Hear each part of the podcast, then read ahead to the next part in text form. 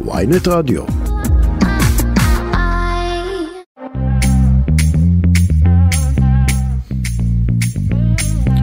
אחר צהריים טובים וברוכים הבאים לכסף חדש, התוכנית הכלכלית של ynet רדיו. עורך התוכנית שלנו היום הוא יאיר חסון, עמית זק על הביצוע הטכני ואני דן רבן. היום בתוכנית נדבר בין היתר על רווחי העתק של הבנקים והרווחים מהליך הדיגיטציה בפרט, שספק אם יתגלגלו במלואם לצרכנים, כך כלשון דוח מבקר המדינה שפורסם ממש לפני דקות אחדות. אה, נעסוק גם בפיילוט של המוניות המעופפות שמקדמים ברשות החדשנות ונשוחח עם דניאל סלאמה, כתב התעופה שלנו, אה, על הדוחות החיוביים במיוחד שפרסמה אל על ועל האם ענף התעופה מתאושש סופית מהקורונה. אבל ראשית כל, היום בבוקר נרצח אריה צ'ופק, תלמיד ישיבה בן 16 בפיגוע כפול בירושלים, ועוד 26 אנשים נפצעו בדרגות קושי שונות, בהם אה, גבר באורח אנוש שנמצא בסכנת חיים מיידית. אני רוצה להגיד שלום לגד ליאור, הכתב והפרשן הכלכלי של ynet ושל ידיעות אחרונות, שלום גד. שלום רב. גד, אתה מסקר את הכלכלה בישראל אה, במשך שנים רבות, ובין היתר במהלך תקופת האינתיפאדה השנייה, אה, והפיגוע הנוראי הבוקר אה, שבוצע באמצעות מטעני חבלה מזכיר מאוד לרבים מאיתנו את התקופה ההיא. עוד מוקדם לדעת אם אנחנו בפתח של איזה משהו חדש, אבל דרך הפעולה הזאת בהחלט לא, לא נראתה פה כמה, כמה שנים טובות, והיא מדאיגה במיוחד, גם בהיבט הביטחוני וגם בהיבט החברתי והכלכלי. אה, איך אירועים כאלה עלולים להשפיע על הכלכלה בארץ, בירושלים בפרט, באופן מיידי? כן, אז קודם כל השאלה בהחלט במקומה, בגלל שאחד הדברים שמרתיע תיירים, מרתיע גם ישראלים להגיע לירושלים או למקום אחר שיש בו פיגוע, זה כמובן כאשר יש שורת פיגועים. פיגוע בודד אחד עוד לא יזיק כנראה, למרות שאני שומע, כך אומר אה, אה, יו"ר האיגוד הארצי למסחר בירושלים, עזרא עטיה, שכבר יש כמה ביטולים בבתי המלון, כל מיני אנשים שהתכוונו להגיע לפה ואולי חוששים, ושהיום הייתה תנועה מעטה בעיר של יחסית מעטה של קונים, אבל זה ייגמר מחר. זאת אומרת, אם אין אה, עוד פיגועים, אנחנו מקווים שלא יהיו, אז ההשפעה תהיה קצרת טווח. אם יבוא עוד פיגוע, תוך יום, יומיים, שלושה, חס וחלילה, זה כבר ישפיע. כי בעבר, כשהיו פה פיצוצי האוטובוסים והמסעדות ובתי קפה ופיגועי טרור איומים עם המון הרוגים, העיר שותקה מבחינה כלכלית. אנשים לא יצאו, לא באו, חנויות היו סגורות, ואנחנו מקווים שלא, שלא נחזור לזה. צריך להבין שאווירה, יש לה אה, ממש חלק גדול ברווחים או בהפסדים של עסקים אה, כלכליים. בהחלט, בעיקר וגם... מדובר על תיירים שעלולים לא להגיע. גם חוץ מהפגיעה האישית ובנפש ובנפגעי חרדה, יש לנו ברור, גם... זה ברור, אה, קודם כל זה, אבל אני אומר, כמובן, כן, אחר גם כך... מבחינה כלכלית, אבל יש לנו גם את כל העניין של הפיצויים אחר כך, ועם uh, עסקים נסגרים. כן, אבל פה אין, לא יהיו פיצויים, כשיש פיגועים אין פיצויים. זהו, השאלה אם זה מתרחב למשהו יותר uh, חס וחלילה, כמו לא איזה הפרעות או דברים כאלה, לא היו פיצויים על דברים כאלה. מאבקים רבים מאוד לשחרר את מרכז העיר מתשלומי ארנונה, והעירייה לא הסכימה, וזה לא בוצע. כשהיו פה שורה של פיגועים, גם במהלך תקופת האינתיפאדה השנייה? לא, לא היו פיצויים. היה לפעמים דחייה של תשלומי מס, אישרו להם לפרוס חובות, דברים מהסוג הזה. לא, לא היה מה שקורה כשיש מבצע בעזה, שאז המדינה מורה לסגור עסקים ואומרת, חבר'ה, אל תפתחו, יש פה כרגע מלחמה. פה לא, אם אתה בעל עסק בירושלים, אתה יכול לפתוח. אם באים או לא באים אנשים, זה כבר עניין אחר. אנחנו לא אוסרים על אנשים לבוא, אנחנו לא אמרנו לך לסגור. זה הבדל גדול מאשר כאשר היה מבצע שומר החומות והמדינה אמרה, או לאחרונה שהיה מבצע קצר אמנם שהיה בעזה, המדינה הודיעה לעסקים אתם צריכים לסגור את העסקים ואז יש פיצוי. אכן. ואיך אנחנו, אנחנו למדנו משהו בכלל מה, מהאינתיפאדות או מאירועים, אה, אינתיפאדת הסכינים כמו שאנחנו קוראים לה, למרות שבעיניי, לא יודע אם זה נכון אה, אמפירית, אבל כשדברים מתפוצצים אז זה כבר משפיע בסקאלה אחרת לחלוטין, גם על תיירות וגם על עסקים באמת, כמו שאמרנו, אבל למדנו איך לפעול כלכלית באירועים כאלה, בתקופות אה, ממושכות חס וחלילה? למדנו דבר אחד, לנסות, אני אומר, להגביר את הביטחון של התושבים.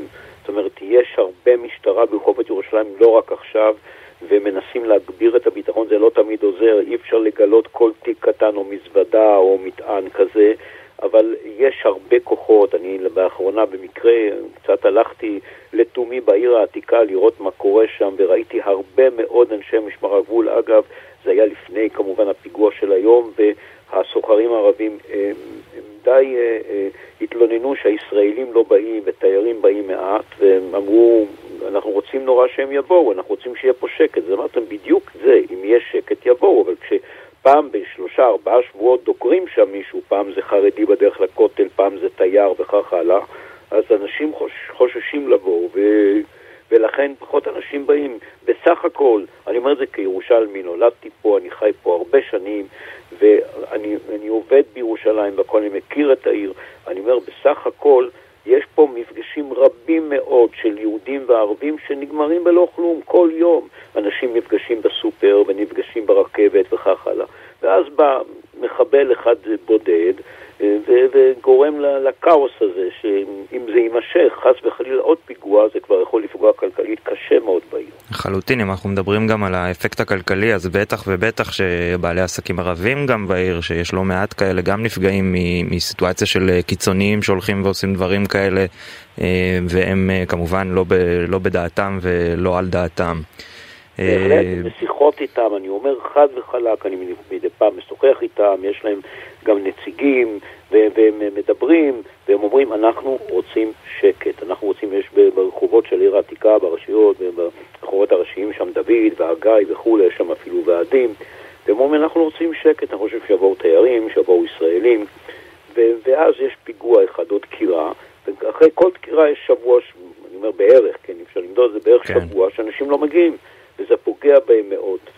ואני אומר באופן כללי, ירושלים היא עיר אה, עם קרוב למיליון תושבים, היא עיר גדולה, היא עיר שהיא תוססת, היא חיה, מרכז העיר, יש הרבה אנשים, יש בתי קפה, יש מסעדות, כשקורה משהו מהסוג הזה, הכל משתתק. ואני מאוד מקווה שזה עניין חד פעמי, ושכמובן כוחות הביטחון יתפסו את הכנראה חוליה הזאת, זה היה די, די מקצועי כן. המטען הזה, ושלא בתקווה, לסבב כזה. בתקווה באמת שלא נראה את הדבר הזה משפיך, ממשיך ומתפתח, וכמובן שאנחנו שולחים מפה גם את תנחומינו למשפחת הקורבן, ואיחולי החלמה מהירה לנפגעים. בוודאי. אה, ברשותך, אני רוצה לעבור לנושא קצת אחר, אם כי עדיין קשור. אה, אנחנו עדיין לא יודעים מי יהיה שר האוצר הבא, הזמן עובר ואין לנו מושג. מי כרגע המועמדים המובילים? הרי היה דיבור על uh, סמוטריץ' בלי אגף תקציבים, שזה בעצם הלב של, uh, של המשרד, או אפילו רוטציה בינו לבין דרעי, זה בכלל ריאלי, ראינו משהו כזה פעם. אז קודם כל, אתה צודק שאי אפשר לומר פה שום דבר בביטחון. איך אומרים גם במשחק כדורגל, עד שזה לא נגמר, זה לא נגמר. אז um, יש הבטחה כרגע לסמוטריץ' שהוא יהיה שר האוצר, אבל... יש שני דברים שמעיבים על זה כבר. אחד, ראש הממשלה מעוניין להוציא מהמשרד את אגף התקציבים ואת רשות החברות הממשלתיות, וזה ירוקן לחלוטין את משרד האוצר. זה נתן אחד מאנשי האוצר דוגמה לפני ימים אחדים. אם יעשו משהו מהסוג הזה להוציא את אגף התקציבים, זה כמו לקנות מנת פלאפל בלי הכדורים. זאת אומרת, אה, ממש מרוקנים כן. את המשרד מהתוכן. מה יישאר שם? אגף השכר והאגף הבינלאומי? זה לא בדיוק. אגף התקציבים הוא המרכזי. אז יש נכון אגף חשב כלילי וכולי, אבל מי שמתכנן את הכלכלה בישראל, מי שמגבש את הרפורמות, מי שאחראי לחקיקה, מי שקובע איזה כספים יעברו ולא, זה אגף התקציבים. ובלעדיו אין משרד אוצר. אז זה דבר אחד. הדבר השני, לפצל את המשרד הזה לשתי קדנציות, זאת אומרת, בהתחלה יהיה סמוטריץ' או דרעי, איך שהם יחליטו, ואחר כך השני, גם זה, מה, כל שנה, שנתיים נחליף פה שר אוצר באותה ממשלה, זה לא שהיו בחירות. לא, זה גם נדמה הם... כאילו המילה הזאת, רוטציה, הפכה להיות איזה דבר אה, שממש קל לשלוף, וזה, אנחנו צריכים לזכור שהוא כמעט אף פעם לא עובד, כן? למעט אה, יאיר לפיד עכשיו ובנט שבאמת התחלפו. בזמנו עם שמיר ופרס דווקא עבד. כן, לפני כמה, כמה עשרות שנים, 40. כל אחד היה שנתיים, אבל כפי שאנחנו רואים, כל הרוטציות עם בני גנץ ואחרים לא עבדו כל כך, וגם עכשיו הייתה ממשלה קצרת ימים. ואני גם לא בטוח לגמרי שהממשלה הזו בהרכב הזה תחזיק כל כך הרבה מעמד, כך שהשר האוצר הראשון יהיה כנראה שר האוצר. והשני כנראה לא. ו... אבל בכל מקרה, שניהם בכלל מנוגדים לחלוטין, זאת אומרת, אחד הוא סוציאליסט, יש להם תפיסת עולם שונה לחלוטין. אחד הולך להגדיל פה קצבאות ולחלק סלי מזון, והשני רוצה לפטר עובדי מדינה ולאסור שביתות. כן, אני, יש לי מין הרגשה כזו שבסוף פקידי האוצר המיומנים, אני אומר מיומנים באמת, שהם שנים רבות שם, אה, הם איכשהו יצליחו קצת להרגיע את האווירה ולא להביא לפה כל מיני תוכניות אה, שנוגעות רק למגזר אחד, או לפגוע פה באלפי עובדי מדינה, וכך הלאה. אגב, ההסתדרות מיד תשבית את המשק, אין לי בכלל ספק, עובד מדינה אחד לא יפוטר. הרצון של סמוטריץ'. איך באמת, אבל גד, אתה... ולמנוע שביתות, זה לא, לא יעבוד. בתור בן אדם שמכיר את המשרד הזה מבפנים ומבחוץ, מה, מה התחושות שם בפנים? אין אנשים שאומרים, אה, וואלה, זה יותר מדי בשבילי, אני הולך להתפטר, אני אלך למצוא משרד שלא החליפו לי בוס כל אה, שלושה שבועות? אתה בדיוק מצטט מישהו, מה שהוא אמר שנתן לי את הדוגמה. שאול מרידור הלך הביתה. אה, קרן טרנר אייל הלכה הביתה.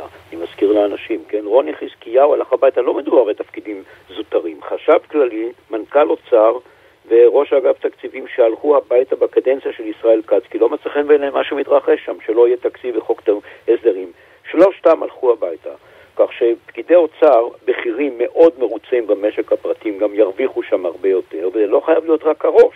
זה יכול להיות גם סגן ראש אגף תקציבים, סגן מנהל רשות המיסים שהם בכירים ומיד יחטפו אותם בשוק הפרטי. אם הם יראו שמנהלים פה כלכלה שהיא כלכלה לדעתם לא נכונה, ולדעת רבים, לחלק כסף רק למגזר אחד, או, או לפטר פה אלפי אנשים וכולי, הם פשוט ילכו הביתה. ואני חושב שבמיוחד, אני אומר, עם סמוטריץ' הראשון, דבר אחד אפשר להגיד עליו, הוא אדם חכם מאוד, הוא, הוא די מקצוען, הוא ניהל יפה את משרד התחבורה, אני לא חושב, סליחה על הביטוי, שהוא מטומטם.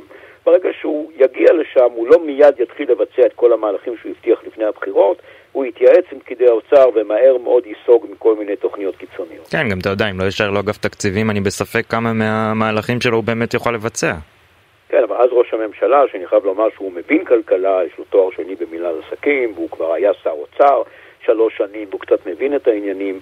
אני מאמין שהוא ידע לנהל את אגף התקציבים, אבל הוא ירוקן כאמור את משרד האוצר מכל תוכן, ושר האוצר יהיה מין פקיד כזה שלא יהיה בו הרבה טעם. אני לא מבין, לראש הממשלה חסר אה, תפקידים שהוא צריך לנהל את אה, אגף התקציבים של האוצר? כאילו מה, איך זה עובד בכלל? שאלה במקומה, אבל יש, הוא למד לקח, הוא למד לקח למשל ממשה כחלון. ברגע שהמשרד לא היה בליכוד, משה כחלון לא נשמע לו, הוא היה במרכאות הילד הריים, שנתיים לא דיברו ביניהם, וכחלון עשה שם מה שהוא רוצה.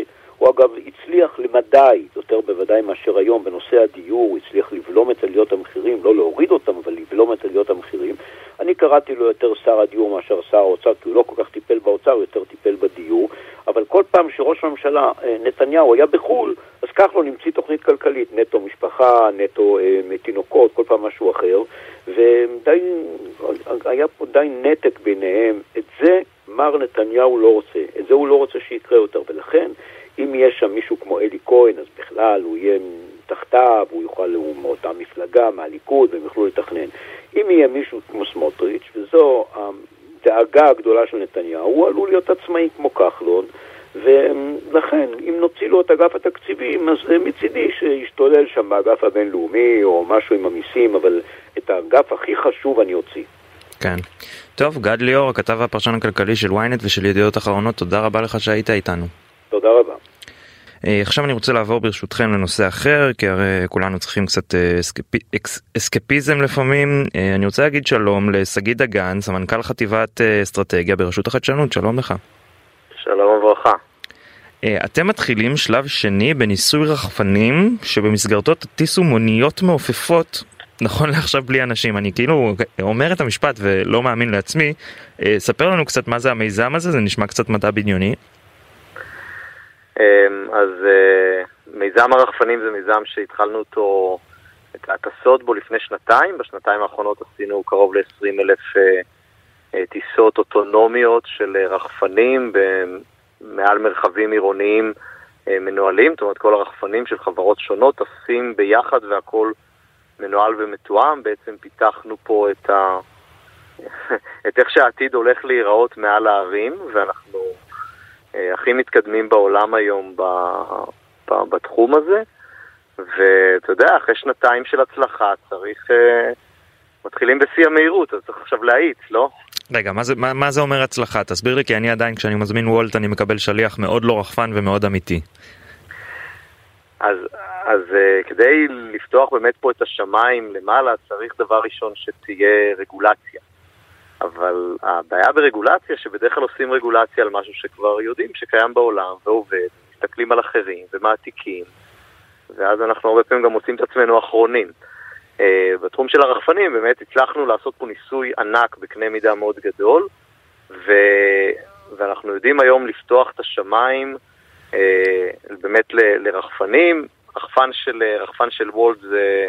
זה שכדי לעשות אותו וולט צריכים לקחת באמת את המתאר העסקי ו- ולעשות אותו. כבר uh, בתוך הניסוי הטסנו רחפנים מ- מגולדה בנמל יפו ל- למקומות בתל אביב, אנשים קנו, קיבלו, uh, קיבלו מה שנקרא גלידה מרחפן, אז את הדברים האלה כבר הראינו שאפשר לעשות. ורחפנים היום נכנסים כבר לפעילות גם בתחומי אבטחה וגם בתחומי חקלאות, ו- והם יכולים להיכנס לעוד מספר תחומים היום בשירותים לעיריות, שגם את זה התחלנו לקדם, ו... שנה הבאה יהיה אפשר באמת אה, כבר להתחיל לראות הרבה יותר רחפנים אוטונומיים, שזה הדבר החשוב, לא שבן אדם מטיס. אה, ואת כל אלה בעצם אה, סיימנו השנה. רגע, אז מה בעצם, יוצא... אנחנו, זה השלב השני, נכון? מה היה השלב זה הקודם? היה השלב, זה היה השלב הראשון. השלב השני, אה, שעכשיו אנחנו יוצאים אליו, הוא בעצם לעבור מעולם של רחפנים, אה, נקרא לזה קטנים בינוניים, מרחפנים של 25 קילו שסוחבים מטען של שלושה, ארבעה קילו לכמה קילומטרים בתוך עיר או בין. ערים סמוכות, אה, להתחיל אה, לעבור למדינה שלמה. זה מוניות כאילו. אז, אה, אז גם להגדיל את המרחקים, וגם להגדיל את המשקלים. ואם רוצים לסחוב 150 קילו, אז עושים את זה עם כלי שנקרא מונית אוויר בעצם, כי 150 קילו זה כמו לסחוב שני אנשים. אז אנחנו גם נטיס כלים, אנחנו נטיס כלים אה, שלוקחים מטענים מאוד כבדים, כלים שבעצם יכולים להטיס גם בן אדם, עדיין אין אישור להטיס אנשים, זה קשור לרישיונות של, אה, של אותם כלים שצריכים עדיין לעבור אה, אישור, אישור הטסת נוסעים, אבל לפתוח את כל המדינה, לסלול את כל הכבישים מהמרכז לפריפריה, ובתוך המרכז ובתוך הפריפריה, זה כבר נדע, זה כבר נדע לעשות. רגע, אז בעצם זה, זה סוג של מסוק כאילו כשהוא סוחב בן אדם או שזה, כאילו איך זה נראה אם סוחב, זה סוחב? כשהוא סוחב בן אדם אפשר, יש, יש הרבה מאוד סוגים של, של, של, של כלים שעושים את זה ויש חברות שמפתחות סוגים מאוד שונים, אבל אפשר לחשוב על זה על, על רחפן אה, קטן, כמו רחפן אה, חובבים שאנחנו רואים שלפעמים, אה, שאנחנו נהנים ממנו בפארק או שמציקים לנו איתו בפארק, תלוי מאיזה צד אנחנו. תגדיל אותו עכשיו פי 100, אה, תוסיף לו עוד רוטורים, ולמעלה, במקום לשים אה, מצלמה קטנה, שים אה, pod שיושב בו בן אדם, כן, כמו cockpit קטן. זהו, תשמע, אני כאילו הבן אדם הראשון בערך שיסכים להתנסות במיזם הזה, כי אני אוהב את השטויות האלה, אבל אני חייב להגיד שזה נשמע כאילו אני מחובר לאיזה רצועה ומרחף באוויר מעל איילון, אני לא יודע כמה זה בטוח. כאילו איך מונעים תאונות, איך מונעים, לא יודע. אז כל, ה, כל, ה, כל היופי של המיזם הזה זה שמי שנמצא בהובלה שלו זה רשות תעופה אזרחית, שזה אחד הגופים אה, הכי מקצועיים בעולם בתחומי תעופה, ישראל הוא סתם גם בישראל, אה, ואנחנו עושים אותו באמת לפי, ה, לפי כללי הבטיחות ש, אה, הבין, הבינלאומיים. גם את ההטסה של הכלים הכבדים, אנחנו נתחיל אותה כמובן ב... באזורים שהם פחות מאוכלסים, הרי הסיכון בסוף נובע מזה שיש אנשים למטה. אה, במקומות שאנחנו טסים מעל, אה, מעל אזורים מיושבים, אז, אז יש הרבה רמות של בטיחות שנכנסות פנימה לכלים.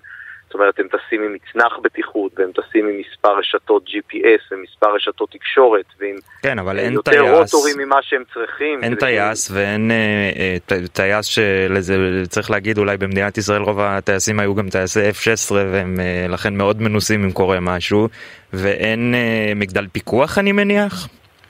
אז, אה, אז א', לגבי אין טייס, אז אני לא יודע כמה פעמים הסתכלת על השמיים, אה, אבל יש פה המון המון מל"טים שטסים פה כבר עשרות שנים בישראל, ישראל מאוד מתקדמת בזה, ויש פה כלי טיס בלתי מאוישים. אה, כל הכלים, ש... בין אם זה הצבאיים או כלים שמוכרים למדינות זרות, טסים מעל שמי ישראל, בין אם מבצעי או בין אם בניסויים. אז א', אנחנו מאוד מתקדמים בלהטיס כלים בלתי מאוישים. אה, ועד היום לא, כמו שאתם, כמו שאתם יודעים, הבטיחות פה הייתה תמיד מעל, אה, מעל הכל, לא היו, לא היו תאונות. אה, וגם, ב, וגם, וגם בכלים, גם בכלים היותר קטנים, זה שהם לא מאוישים זה לא פוגע, זה לא פוגע בבטיחות. בינינו, גם כשאנחנו טסים לאירופה, אז רוב הזמן המטוס טס על טייס אוטומטי, אבל זה אסור להגיד. דווקא אולי, לא יודע, אותי זה מרגיע, אבל כן. לא, גם צריך לזכור מה החלופה שלנו, הכביש הוא גם לא כזה בטוח. נכון, ובשמיים יש המון מקום, הכלים האלה, דרך אגב, זה כלים, הכל כלים חשמליים, והם הרבה יותר יעילים אנרגטית, והם גם, האמת הם גם יותר שקטים, ברגע שזה עולה לגול, ל-100 מטר לא שומעים אותם, אבל כדי לסלול כבישים בשמיים צריך, צריך לעבוד, וצריך להשקיע, וצריך... כמה באמת זה עולה לנו? כמה זה עולה לנו הפרויקט הזה, הניסויים האלה, כל הדבר הזה? אז הסדרה השנייה עכשיו שיצאנו אליה היא בסדר גודל של 60 מיליון שקל. חצי מההשקעה זה מהממשלה, חצי מההשקעה מחברות חברות תעשייה פרטיות שמביאות את הכלים, מפתחות את המערכות בקרה האוויריות. יש פה מערכות בקרה אוויריות מאוד מורכבות, זה חלק מהחוכמה הישראלית יושבת בדבר הזה, ו... וזה אחד התחומים שאנחנו גם הפכנו להיות מובילים בעולם. והשלב הקודם, כאילו כמה הוצאנו על זה עד עכשיו? השלב הקודם היה יותר קטן, השלב הקודם היה בערך רבע מהשלב הבא. שליש, סדר גודל. יש לנו איזה אה, לוחות זמנים, אנחנו יודעים מתי באמת נעבור ממוניות אה, ללא אה, נוסע למונית עם נוסע, מתי אה, זה יתקדם הדבר הזה? חלק מזה תלוי כמובן בהתפתחות של, ה, של הכלים, שכבר מתחילים ל, לרשיין אותם. יש כלים שבחצי השני של, ה, של העשור הזה התחילו להיכנס לשוק כלים, כלים מרושיינים. חלקם, חלקם יותר קטנים, אפשר לקרוא להם מוניות אוויר, חלקם לקחת יותר אנשים. חלק גדול מהם יהיו לקחת מטענים, שזה לא פחות מעניין ואולי אפילו יותר מעניין בהרבה הקשרים. אז אפילו לא צריך לקחת אנשים למעלה, mm-hmm. אבל אנחנו צריכים בעצם להגיע למצב שאנחנו נוכל באמצע העשור הזה בישראל לפתוח, לפתוח את הכבישים בשמיים, כי בלי שנשלים פה את הסדרת ניסויים האלה, שהיא גם ניסויים של הרגולטור, של משרד התחבורה, צריך להבין, זה ניסוי משותף, כאילו, גם התעשייה עושה ניסוי על המערכות שהיא מפתחת, וגם הרגולטור עושה ניסוי על המתארים של הביצוע. ש... שאני חייב שאלה. להגיע... שאלה אחרונה ברשותך, כי אנחנו בזמן uh, קצר יחסית. אתם, כן. אתם רשות החדשנות. זה מה שחסר לנו בחדשנות הישראלית? מוניות מעופפות ורחפנים? כאילו אין דברים שהם יותר דחופים? וסליחה אם זה נשמע מתריס, כן? אני באמת שואל, כאילו, מה, מה הסדר העדיפויות של הרשות מבחינת הדבר הזה? כן, דבר, דבר ראשון, המטרה המרכזית שלנו זה לאפשר מה שקוראים disruption, זאת אומרת, לאפשר לטכנולוגיות שמשנות את השוק, את ה-business as usual, להיכנס לשוק, להיות מפותחות בסיכון גבוה, רוב הכסף שלנו הולך על פיתוחים מאוד מאוד מסוכנים במחקר ואחרי זה בחברות, בחברות סטארט-אפ בתחילת הדרך. ו- ויש דברים אבל שאי אפשר לעשות בלי, בלי לקחת ולנער את כל, ה- את כל המערכת, ואז צריך באמת להביא משרדים ממשלתיים ורגולטורים ולעשות משהו ש- שיוביל אותנו להיות מובילים בעולם. אחד, כי ככה התעשייה שלנו הופכת להיות מובילה בעולם. שתיים, כי ככה אנחנו גם מתמודדים עם האתגרים העצומים שיש, למשל בתחומי הסביבה, של להתחיל להוציא את התחבורה הישנה מהערים, לאפשר לצופף את הערים, לאפשר תחבורה יותר נקייה. והדבר השלישי זה להביא קדמה למדינה, אם ישראל לא תתאמץ חזק ל... לרוץ קדימה בטכנולוגיות ולאפשר לטכ... בחצי השני של העשור להיות מהראשונים שמחליפים את הטכנולוגיות. ואנחנו נישאר מדינה שלא יודעת לאמץ קדמה טכנולוגית. ומי שלא יודע לאמץ קדמה טכנולוגית לא בדיוק הולך להוביל במאה ה-21 את העולם. טוב, יש לי עוד מלא מה להגיד ולשאול על זה, אבל אני נאלץ לסיים. אז שגיא דגן, סמנכ"ל חטיבת אסטרטגיה ברשות החדשנות, תודה רבה לך שהיית איתנו. תודה רבה, ביי. Uh, ממש לפני זמן קצר התפרסם דוח מבקר המדינה שכלל כל מיני פרקים בנושאים שונים כ- כנוהג מבקר המדינה ואחד מהם היה בנושא בנקאות דיגיטלית נושא שלי אישית מאוד נוגע ללב. אני רוצה להגיד שלום לאהוד לנגרמן ראש אגף ג' בחטיבה לביקורת תחומי כלכלה ותשתיות לאומיות במשרד מבקר המדינה שלום אהוד. שלום רב. Uh, מהדוח עולה בעצם בתכלס השורה התחתונה ואני יודע כי אני כתבתי אותה את הכתבה על הדוח, זה שהבנקים לא גלגלו את רווחי הדיגיטציה ללקוחות. מה זה אומר? זה אומר ששורה של דברים שאנחנו בדקנו בביקורת מלמדת שהעידן הדיגיטלי, בפרט בענף הבנקאות, שמאפשר כניסת שחקנים, שמאפשר להסיר חסמים ושמאפשר להגביר תחרות, מהנתונים שאנחנו העלינו בביקורת, עלה שהן לא, הרפורמות השונות שכרגע מתנהלות, חלקן בהסדרה חלקית, חלקן עדיין לא בהסדרה וחלקן מולאו, עדיין לא הביאו לכך שהדיגיטציה ירדה במלואה לציבור.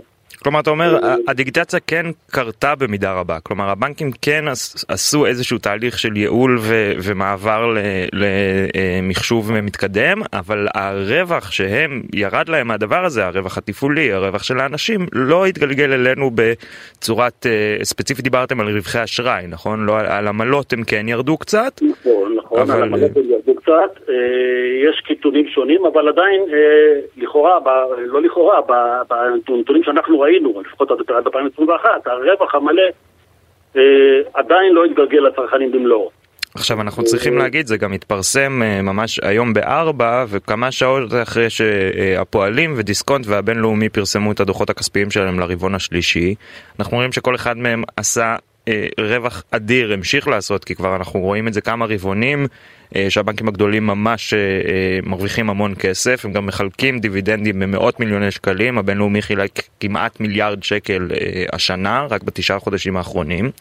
ובעצם מה שאתם מספרים לנו זה שמה שאנחנו דיברנו עליו כל הזמן בפקדונות, שהבנקים מנצלים את העלאת הריבית בשביל להעלות את הריבית על הלוואות, אבל לא מגלגלים את זה לפקדונות של האזרחים, קורה לא רק בפקדונות, הוא קורה גם בתחום הדיגיטציה וגם באופן כללי בהתייעלות של הבנקים.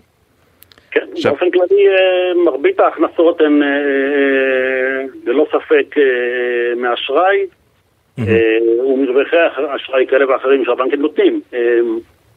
אז איך בעצם בדקתם את זה? תספר לי קצת על התהליך. אנחנו בודקים כמובן, הבנקים עצמם הם לא גוף מבוקר, אנחנו בודקים את הרגולטור, את בנק ישראל, את המפקח על הבנקים, זה הגופים שנתונים לביקורת שלנו על פי החוק, ואותם אנחנו בודקים, ובנתונים שאנחנו, בבדיקות שאנחנו ערכנו בעיקר בפיקוח על הבנקים, קיבלנו את המידע, ומהמידע הסקנו את המסקנות שמופיעות בדוח. כלומר הביקורת שלכם כמבקר המדינה נוגעת בעקיפין לבנקים, אלא באופן ישיר לזה שהפיקוח על הבנקים היה צריך לדאוג שזה לא יקרה וזה לא, והוא לא עשה את זה. ש... שזה לא יקרה, זה אני, אני לא רוצה להיכנס כרגע לעניין של הנקודתי של הימים האחרונים, של הוויכוח לגבי גלגול ה... לא, ברור, אבל באופן כללי כן יש לכם הצעות להמשך, שגם נדבר עליהם תכף, כלומר אתם כן אומרים יש פה איזה בעיה. יש לנו תחרות אה, שיכולה לנבוע מדיגיטציה מוגברת, אה, מעידן דיגיטלי, תחרות וחדשנות, שעדיין אה, צעדים לא מעטים בתחום הזה עדיין לא מומשו אה, על ידי הרגולטורים הרלוונטיים וגם על ידי משרד האוצר. זאת אומרת, התהליכים מתמשכים, אה, למשל שירותי תשלום, למשל כל מיני חסמים אחרים, מעבר בקליק, עדיין לא, לא, לא בוצע, לא, לא, לא מומש לגמרי. אנשים עדיין, אה, בדקנו גם את ה, למשל את הדירוג של לקוחות אה, נותנים בתחום השירותים הדיגיטליים בסקר שביעות רצון לקוחות. אז ישראל לא במקום כל כך טוב, די באמצע. עזוב את זה, בוא, בוא, בוא נחזור שנייה רגע אחד אחורה, כי אמרת שם משהו מאוד מעניין. דיברת על המעבר בקליק, שזה אחת הרפורמות שהכי מדברים עליהן כבר המון המון זמן, שבאמת לכאורה היא מאפשרת לכל אחד לעבור ללא עלות ובבירוקרטיה מאוד קלה בתוך שבוע בין בנק לבנק, מה שאמור להגביר את הכוח הצרכני. אבל uh, בעצם אתם בודקים, ומהדוח עולה שבנק ישראל לא ממש בדק את הצורך, כלומר שהמעבר בקליק הזה בכלל עונה על איזשהו צורך uh, uh, של אנשים, הבעיה שלהם היא לאו דווקא הבירוקרטיה ממה שאני מבין מהדוח. כן, יש, אנחנו, ההמלצה המרכזית שלנו כאן היא שבנק ישראל בתחום הזה, שבנק ישראל ומשרד האוצר יבחנו את ההשפעה על פני זמן, זה דבר אחד. דבר שני, איזה צעדים נלווים נוספים צריך לעשות, כי יש גם לציבור מטבע הדברים חסמים פסיכולוגיים לעבור בין בנק לבנק, גם אם אתה מקל על המעבר. שאגב, זה אולי זה מסביר למה המעבר בקליק הזה לא כל כך תופס תאוצה. נכון, זה גם עניין של חינוך פיננסי. הציבור, מדברים על העניין של החינוך הפיננסי מזה שנים רבות, ולצערי עדיין הדבר הזה, שאומנם לא בדקנו אותו בדוח הזה, זה עדיין לא מומש במלואו, לא בבתי הספר ולא מאוחר יותר. עדיין לא הוכנסו מספיק שחקנים חדשים לשם מיצוי המערכת, זאת אומרת, זה תהליך בעבודה, אבל עדיין לא הביא לתוצאות המיוחלות. עדיין לא כל כך פשוט. עכשיו יש לנו פה אבל שני פנים, כאילו בוא אני אנסה שנייה ללכת צד צד כי הראש שלי קצת קופץ פה מבין כל מיני נושאים שהם מאוד מעניינים ומאוד חשובים. מבחינת החינוך הפיננסי אתם מדברים על בעצם על מה שגם פורסם אצלנו, גם היה, היה לנו פרויקט מאוד גדול של למה לא לומדים על כסף, שבעצם יש חוסר בתקציב, ושהרשות הממונה על שוק ההון לא באמת עשתה חינוך פיננסי שהיא מוגדרת על זה בחוק, כי היעדר תקציבים, מנהל הרשות אמר את זה, מנהל הרשות היוצא אמר את זה בריאיון ממש פה בתוכנית שלנו, זה לא בסדר עדיפויות. מה ההמלצה שלכם בתחום הזה? כלומר, זו המלצה למי? לממשלה הנכנסת? אנחנו בדוח הזה לא דיברנו על הנושא של עצמו של חינוך פיננסי. אה, הנושא של חינוך פיננסי, למיטב זיכרוני, באמת היה צריך להיות אה, אה, במשרד האוצר. בזמנו, אתה צריך לקום איזושהי יחידה או אגף, אני לא יודע אם זה מומש או לא מומש, אנחנו לא בדקנו את זה בדוח הזה. דובר על כך באמת שיש חוסר תקציבים, אבל אנחנו, ברור לנו שהחשיבות של הדבר הזה היא כל כך גבוהה. כתשתית לדיגיטציה, למערכת אה, תחרותית, לעובדה שאנשים בגיל צעיר צריכים להכיר מה זה אשראי, מה זה פקדונות, מה זה ריביות וכל הדברים הבסיסיים במשק כדי לדעת איך לחנך את עצמם אה, ואיך להתנהל בתקופה שבה, או במדינה שבה יוקר המחיה הוא אה, לא מהנמוכים בעולם.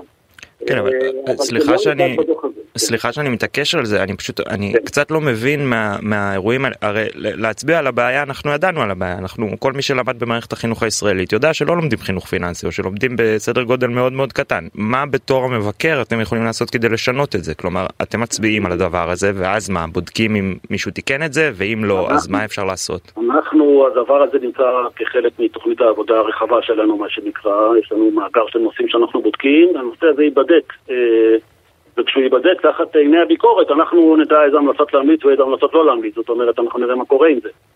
אה, הדוח הזה פשוט נגע בעניין הזה בנקודה, בנקודה אחת או שתיים שנוגעות לדיגיטציה. Mm-hmm. כמובן שאם החינוך הפיננסי היה מוגבר והיה יוצא לפועל כמו שצריך, אז אה, כמובן שכל הדברים האלה היו יותר משוחררים ויותר קלים להבנה בידי הציבור שאמור להשתמש בכלים האלה כדי להגביר את התחרות בין הבנקים ולתת לציבור, כמו שאומרים, אפשרות אה, לעבור בין בנקים, אם בקליק או לא בקליק, או איך שקוראים לזה, אבל אה, בדרכים כאלה ואחרות. כן, אבל גם, גם בתחום הנושא הכללי, המרכזי של הדוח, שהוא הבנקאות הדיגיטלית באמת, והטענה המרכזית מאוד, שגם היא מוכרת בשוק הישראלי, שיש ריכוזיות מאוד מאוד גבוהה בענף הבנקאות, ובעצם אתם ממליצים לפתוח את השוק לתחרות נוספת. אה, שראינו את זה בוואן זירו, אבל אנחנו בקושי רואים את זה אם בכלל בבנקים נוספים, ובטח ובטח בבנקים בינלאומיים. כלומר, אוקיי, המלצתם, המלצתם לפתוח את השוק, מה עכשיו?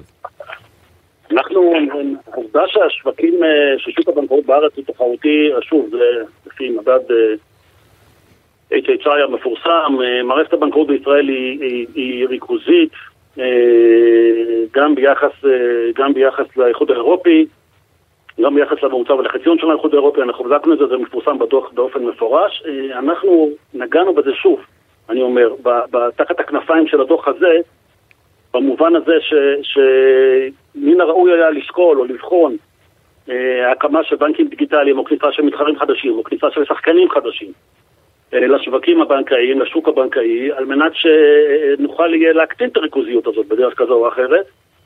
אה, כן, אבל זה לא משהו שבנק ישראל עושה? הוא לא בוחן דבר כזה? אה, אני, למיטב זיכרוני, בחמישים השנה האחרונות נכנס בנק דיגיטלי אחד, אה, ונדמה לי שהוא היחיד שבכלל נכנס. יש מיזוגים של בנקים, זאת אומרת, התחרות דווקא די, די מספר הבנקים קטן בשנים האחרונות, אבל נכנס בנק דיגיטלי אחד, כידוע. Mm-hmm. ואנחנו חושבים שנוכח ההתמזגות של בנקים שונים, נוכח העובדה שרק בנק אחד בינתיים נכנס לעניין הזה. ונוכח הטכנולוגיות והחסמים ותוכניות ההתייעלות שהבנקים נקטו, מן הראוי להכניס ולשלב אה, בנקים נוספים בסביבה הזאת, ועל מנת אה, לעשות את זה צריך אה, להסיר כל מיני חסמים וכאלה ואחרים שאנחנו מפרטים בדוח. Okay. אוקיי. כמובן, את כל הדברים האלה צריך מאוד לזכור, זה משהו מאוד חשוב שאני רוצה לומר, שיש לשמור על האיזון הנכון בין תחרות ליציבות של הבנקים, כמובן שאחד התפקידים המרכזיים של מטרות העל, מה שנקרא, של בנק ישראל, אה, הוא לשמור על אה, יציבות אה, המערכת הפיננסית. כן, תשמע, מהדוחות הכספיים האחרונים זה לא נראה שיש להם בעיית יציבות, בלשון המעטה. בסדר, יכול להיות שבגלל שבנק ישראל שומר על היציבות, לכן אין להם בעיית יציבות, כן? אני לא יודע מה פה, אולי אנחנו צריכים די לשמוח שיש להם יציבות לא מעטה, אבל כן. זה לא אמור למנוע מאיתנו כצרכנים נבונים. לא היה לנו חינוך פיננסי יותר טוב, הייתי יותר שמח, אבל זה לא אמור למנוע מאיתנו העובדה שהבנקים יציבים, וטוב שכך, זה לא אמור למנוע מאיתנו כצרכנים תחרות, רצון לתחרות, הכנסת דיגיטציה, אה, אה, אפליקציות, שירותי תשלום וכל מיני טכנולוגיות חדשות שלא מספיק מוטמעים או מוטמעות במערכת. זה, זה, זה העיקר של הדוח. טוב, בתקווה ש... הרווחיות של הבנק גלגלה מספיק לציבור מהעניין הזה של הדיגיטציה. בתקווה שבבנק ישראל או במי שצריך לשמוע ישמע את ההמלצות ואת ההערות. אה, תודה רבה לך אהוד לנגרמן, ראש אגף ג' בחטיבה לביקורת תחומי הכלכלה ותשתיות לאומיות במשרד מבקר המדינה, תודה לך. בבקשה, ערב טוב. אה, אני רוצה להגיד שלום עכשיו לדניאל סלאמה, כתב התעופה של ynet ושל ידיעות אחרונות. היי דניאל, מה קורה? שלום, ערב טוב, כיף להתארח אצלך. תודה, תודה, תודה שאתה איתנו, שמחים אה, אה, שבאת, ואנחנו מדברים עכשיו על חברות התעופה, ספציפית על אל על, חוץ מהבנקים שפרסמו היום באמת אה, בבוקר את הדוחות שלהם, גם אל על פרסמה את הדוחות הכספיים שלה לרבעון השלישי של השנה, והציגה בעצם פעם ראשונה מאז משבר הקורונה רווחיות. אה, ובהתאם היא הסירה גם את הערת עסק חי מהדוחות. אה, הערת עסק חי, למי שלא יודע, זה הערה שאומרת אנחנו בביש מזל בדוחות הכספיים. אה, מה, מה קורה כיום באלעל? מה עולה לנו בעצם מהדוחות? נכון, תראה, הם לא רק שהם השיגו על, לא רק שדיווחו על רווחים, אלא רווחים די נעים. הרווח הנקי לפי הדוחות של אלעל עומד על 66.8 מיליון דולרים, שזה עלייה של 147 אחוז לעומת אותה תקופה שלפני. אה, מה הסיבות לזה בעצם? קודם כל, אל על, כמו כל שאר חברות התעופה, היו במשבר חמור מאוד בזמן תקופת הקורונה. בשנה הזאת ראינו עלייה מאוד מאוד חדה בביקוש לטיסות ולתעופה. זה אגב כך היה הרבה יותר חד ממה שהעריכו שיהיה. כלומר, התשישות של האנשים, עזוב את החברות, של הנוסעים בסופו של דבר, ביקוש שלהם לטוס אחרי תקופת הקורונה היה הרבה יותר גבוה ממה שהעריכו שיהיה. אם נסתכל על מספרים של לאו דווקא של הדוחות, כמה נוסעים בסופו של דבר אל על הטיסו השנה, אנחנו אפשר לראות שאל על הטיסה רק בחודש אוקטובר השנה, רק בחודש אוקטובר 420 אלף נוסעים, וסך הכל מתחילת השנה הזו 3.4 מיליון. עכשיו, אם אנחנו משווים את זה ל-2020, כמענה לשאלה שלך מאיפה זה מגיע, בכל 2020 החברה הטיסה רק 900 אלף נוסעים, כי רוב החודשים כן, היה סגרים ואי כן. אפשר היה לטוס. יחד עם זאת, אם נשווה את זה לשנת 2019, בכל השנה, 2019 כלומר לפני משבר הקורונה, אל על הטיסה 5.8 מיליון, אה, לעומת 3.4 מיליון השנה. כלומר, הם ממש עוד לא התאוששו לגמרי. עוד לא לגמרי, אבל אתה יודע, יש לנו עוד חודשיים, חודשיים וחצי עד מאמצע אוקטובר עד סוף דצמבר, שהם ייכנסו בספירה, ואני מעריך שהם יתקדמו יפה למספר הזה, ועדיין לא יחצו אותו ולא עברו אותו, ועדיין החזרה של אה, כל חברות התעופה, של תחום התיירות בכלל, אנחנו גם רואים את זה, אה, עלייה מאוד מאוד מרשימה. אגב, חוץ מאל על, בואו ניקח דוגמה את, את ריינר אפילו, חברת הלוגוס שהיא מאוד מאוד פופולרית בישראל, גם הם מדווחים על רווחים מאוד נעים. הם הגיעו, אה, הרבעון האחרון הם 1.37 מיליארד אירו, שזה השיא שלהם, השיא הקודם היה 1.5 אירו, באופן אירוני באותה תקופה ב-2019. כלומר, בריינר לא רק שחזרו למספרים שהיו בזמן הקורונה, הם אפילו התעלו עליהם. מ-1.15 אה, ל-1.37 מיליארד. כלומר בעצם אירו. מה שאתה אומר, אני כשאני חושב על, אה, טוב, רבעון שלישי, אלא על זה קיץ, ברור שהם הרוויחו בוכטות של כסף, כולם טסו אחרי הקורונה באמת, אבל אתה אומר זה לא רק הם, אה, א', הם ממשיכים גם באוקטובר, שזה קצת זה אחרי הקיץ, וגם... אה, נכון, גם אה, החגים שהיו. נכון, גם החגים, אבל המגמה כרגע ממשיכה לפי מה שאתה אומר, וגם בעצם זה לא, ממש לא רק אל על, כלומר זה גם חברות תעופה בינלאומיות. נכון, אנחנו רואים את זה, בכוונה הבאת את ריינר, שזו חברה מאוד פופולרית דווקא עכשיו בישראל. אנחנו מסתכלים על כמה נושאים הם הטיסו, ואתה באמת מגיעים לסכומים אסטרונומיים. אתן לך דוגמה, לא סכומים, סליחה, לכמות. לצורך העניין, אם ניקח את ריינר כדוגמה, בשנת 2000, בשנת, סליחה, בחצי שנה האחרונה הזו, ב-2022, ריינר הטיסו 95 מיליון נוסעים, מספר מטורף. כן, טוב, זו חברה בינלאומית גדולה מאוד. נכון, אבל כאילו, תסתכל על חברה שהייתה גם כן, ירדה לקרשים. אתה יודע מה, בוא ניקח את ריינר בישראל, כדי שזה ידבר לנו יותר. ב-2020 ריינר בישראל, שזו שנת הקורונה, הטיסה אה, בסך הכל 244 אלף נוסעים בסך הכל בכל השנה. Mm-hmm. אה, אם ניקח את הנתון הזה, הלכתי לאיבוד גם בתוך כל מספרים סורי. כן, יותר מדי מספרים. לא, אבל הבנו, הבנו, הבנו את הקונספט לדעתי. עכשיו השאלה שלי אליך היא הרי אל על זה לא רק היה אה, החזרה לשגרה, באל על היו שינויי בעלות ומנכ"ל חדש והתייעלות ופיטרו אה, מלא והיה בלאגן עם הטייסים. כמה מתוך זה זה זה באמת, כמה הם חסכו? אין, אין לי באמת תשובה על כמה מהמספר, אתה יודע, קומפטישים חשפו, אבל כן עשו כאן כמה צעדים של התקלות. אה, קודם כל, צי ה-777 שלהם, הישן, הוא יצא לחלוטין משימוש בקורונה, והוא היה עדיין מושבת עד לפני מספר חודשים, שהם החליטו להחזיר אותו לחיים ולהתחיל להפעיל קווים, אה, וכרגע הוא טס בעיקר בצפון אמריקה ולמזרח הרחוק, לתאילנד בעיקר. אה, הייתה כאן איזושהי התייעלות, החליפו בעלים, המנכ"לית החדשה שנכנסה, ודרך אגב גם עשו שינוי מאוד גדול גם דווקא במערך השירות לנוסע, ויעלו גם את שירותי, את תחום שירותי הקרקע שלהם. שירותי הקרקע, למי שלא מכיר, זה כל ה... בעצם העבודה שנעשית מסביב למטוס, כדי להכין אותו לטיסה, ואחרי טיסה, כל התדלוק, השינוע, המסע והזזת מטוסים. מדובר כאן בסכומים שיכולים להגיע, אה, שהם יכולים באמת להוות את הפער בין רבעון רווחי לרבעון לא רווחי. זה אמנם סכום שהוא, אתה יודע, נאה, אבל אני לא חושב שאפשר לזקוף אותו לאיזשהו מהלך ספציפי כזה או אחר. בסופו של דבר זה מכלול של דברים שהובילו אותם למצב שבו הם דנים על רווח, איך, איך אגב האווירה עכשיו בתוך הדבר הזה, הרי היינו בחודשים שלמים של השבתות, בעיקר של הטייסים אבל לא רק, עכשיו אנחנו עם אה, הסכמים חתומים, החברה מתפקדת אה, כמו שצריך עכשיו?